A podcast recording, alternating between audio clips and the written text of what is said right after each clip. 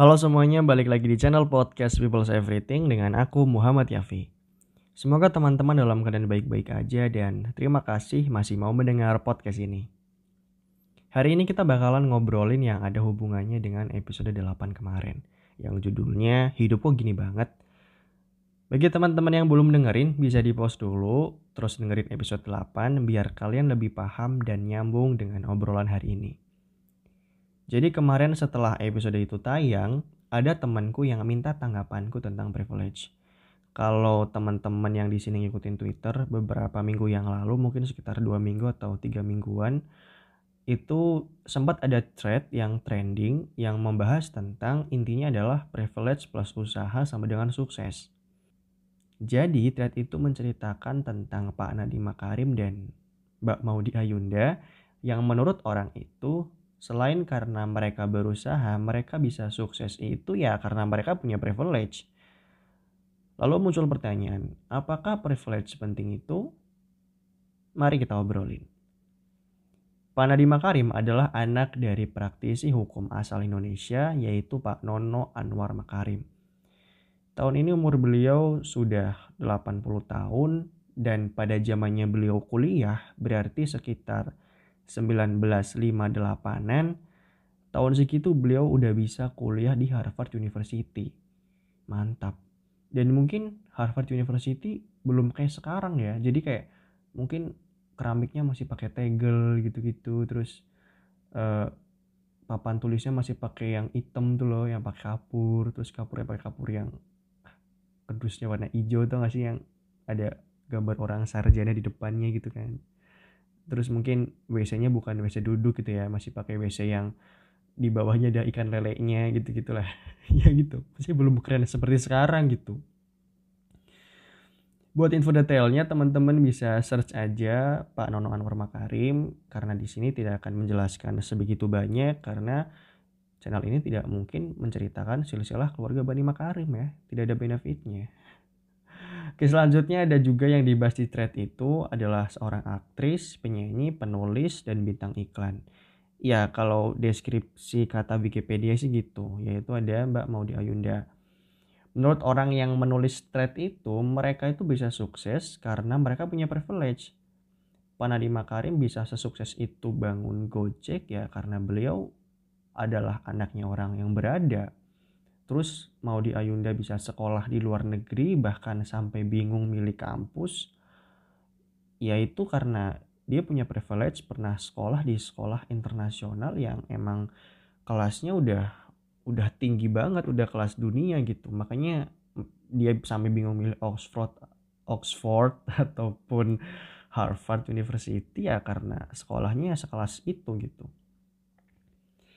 Menurutku privilege itu menjadi penting dan tidak penting bisa dalam waktu yang bersamaan ya.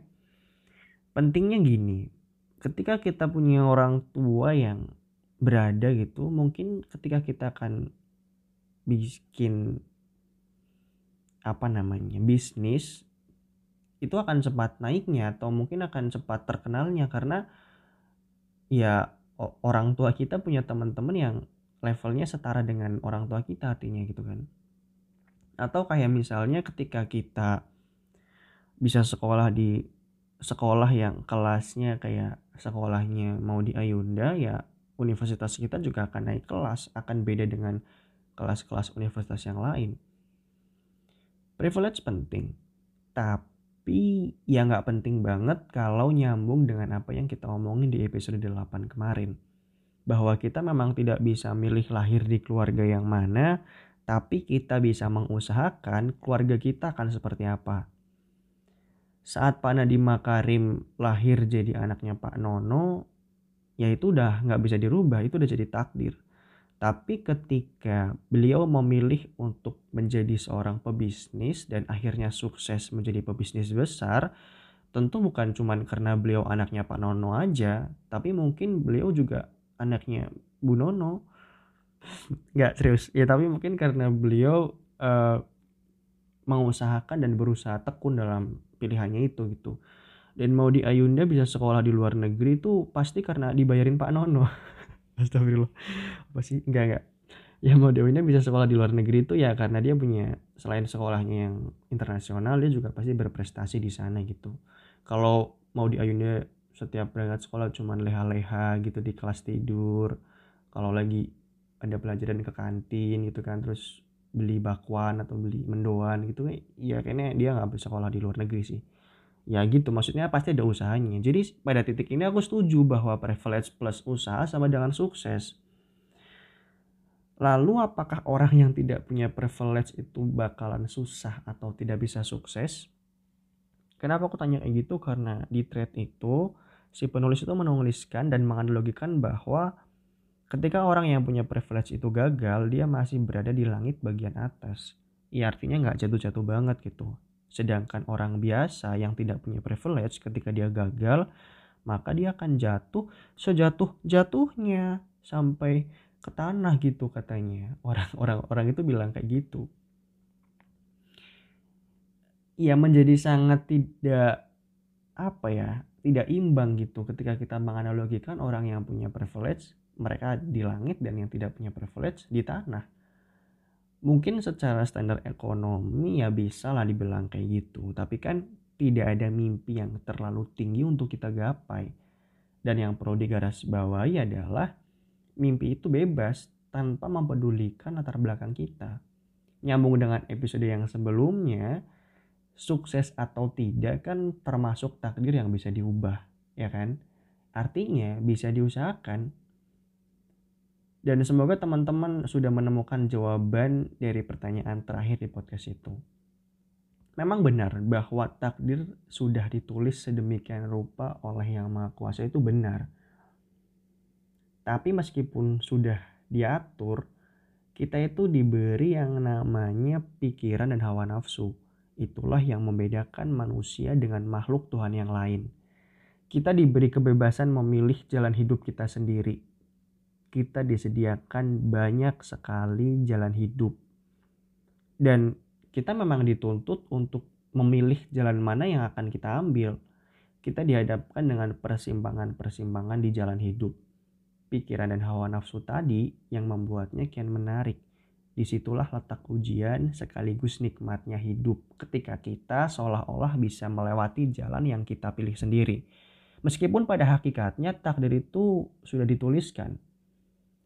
Ketika kita sudah benar-benar percaya takdir itu memang sudah diatur sedemikian rupa, maka privilege menjadi tidak ada nilainya menurutku ketika kita percaya bahwa kita bisa mengusahakan apa pun untuk mengubah takdir kita, privilege menjadi sangat kecil pengaruhnya dalam takdir kita. Yang jadi perhatianku di thread itu adalah bagian mengkerdilkan diri sendiri dan membesar-besarkan orang lain yang punya privilege lebih. Membandingkan diri kita dengan orang yang punya privilege lebih seolah-olah kita tidak punya harapan untuk sukses ataupun tidak bisa sukses. Menurutku di situ salahnya. Karena sebenarnya kita itu besar di jalan hidup kita sendiri. Ya masa kita yang punya hidup malah mengkerdilkan diri sendiri dan membesar-besarkan orang lain. Kita adalah tokoh utama di perjalanan kehidupan kita masing-masing, sedangkan yang lain itu ya cuma tokoh pendukung. Sebenarnya boleh aja melihat orang lain lebih besar tapi jangan terusan jadi merasa kecil ya oke lah sesekali ngelihat tapi kalau kerjaan kita membanding-bandingkan ya percaya deh gak akan selesai. Kita akan terus merasa kecil. Jadi poinnya jangan pernah membandingkan kehidupan kalian dengan kehidupan orang lain secara gamblang yang nantinya justru menjadikan dirimu merasa kecil. Bukan berarti kita tidak punya privilege kita tidak bisa bermimpi menjadi sukses kan ya bahwa sebenarnya orang itu berhak bermimpi setinggi-tingginya tanpa memperhatikan latar belakang dari keluarga yang seperti apa dan setiap orang juga berhak jatuh di langit yang paling tinggi di atas mimpi-mimpinya. Ketika kalian mengkerdilkan diri sendiri kayak ih dia keren aku mah apa tuh mana bisa kayak dia ya udah ya selamanya kalian akan terus berada di bawah. Justru malah kalian sendiri yang meruntuhkan mimpi kalian yang ada di langit sana. Karena secara tidak langsung kita menjadikan yang besar itu sebagai penghalang. Ketika kalian sedang berproses gitu, kemudian melihat yang besar dan mengkerdilkan diri sendiri, itu tuh analoginya kayak kalian lagi jalan step by step by step gitu kan. Terus kalian dengan sengaja meletakkan sebuah benteng yang sangat besar di depan hadapan kalian, di depan kalian persis.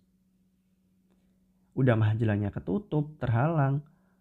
Kalian semakin merasa kecil, ya udah nggak keburu mikir bakalan bangun benteng yang sama.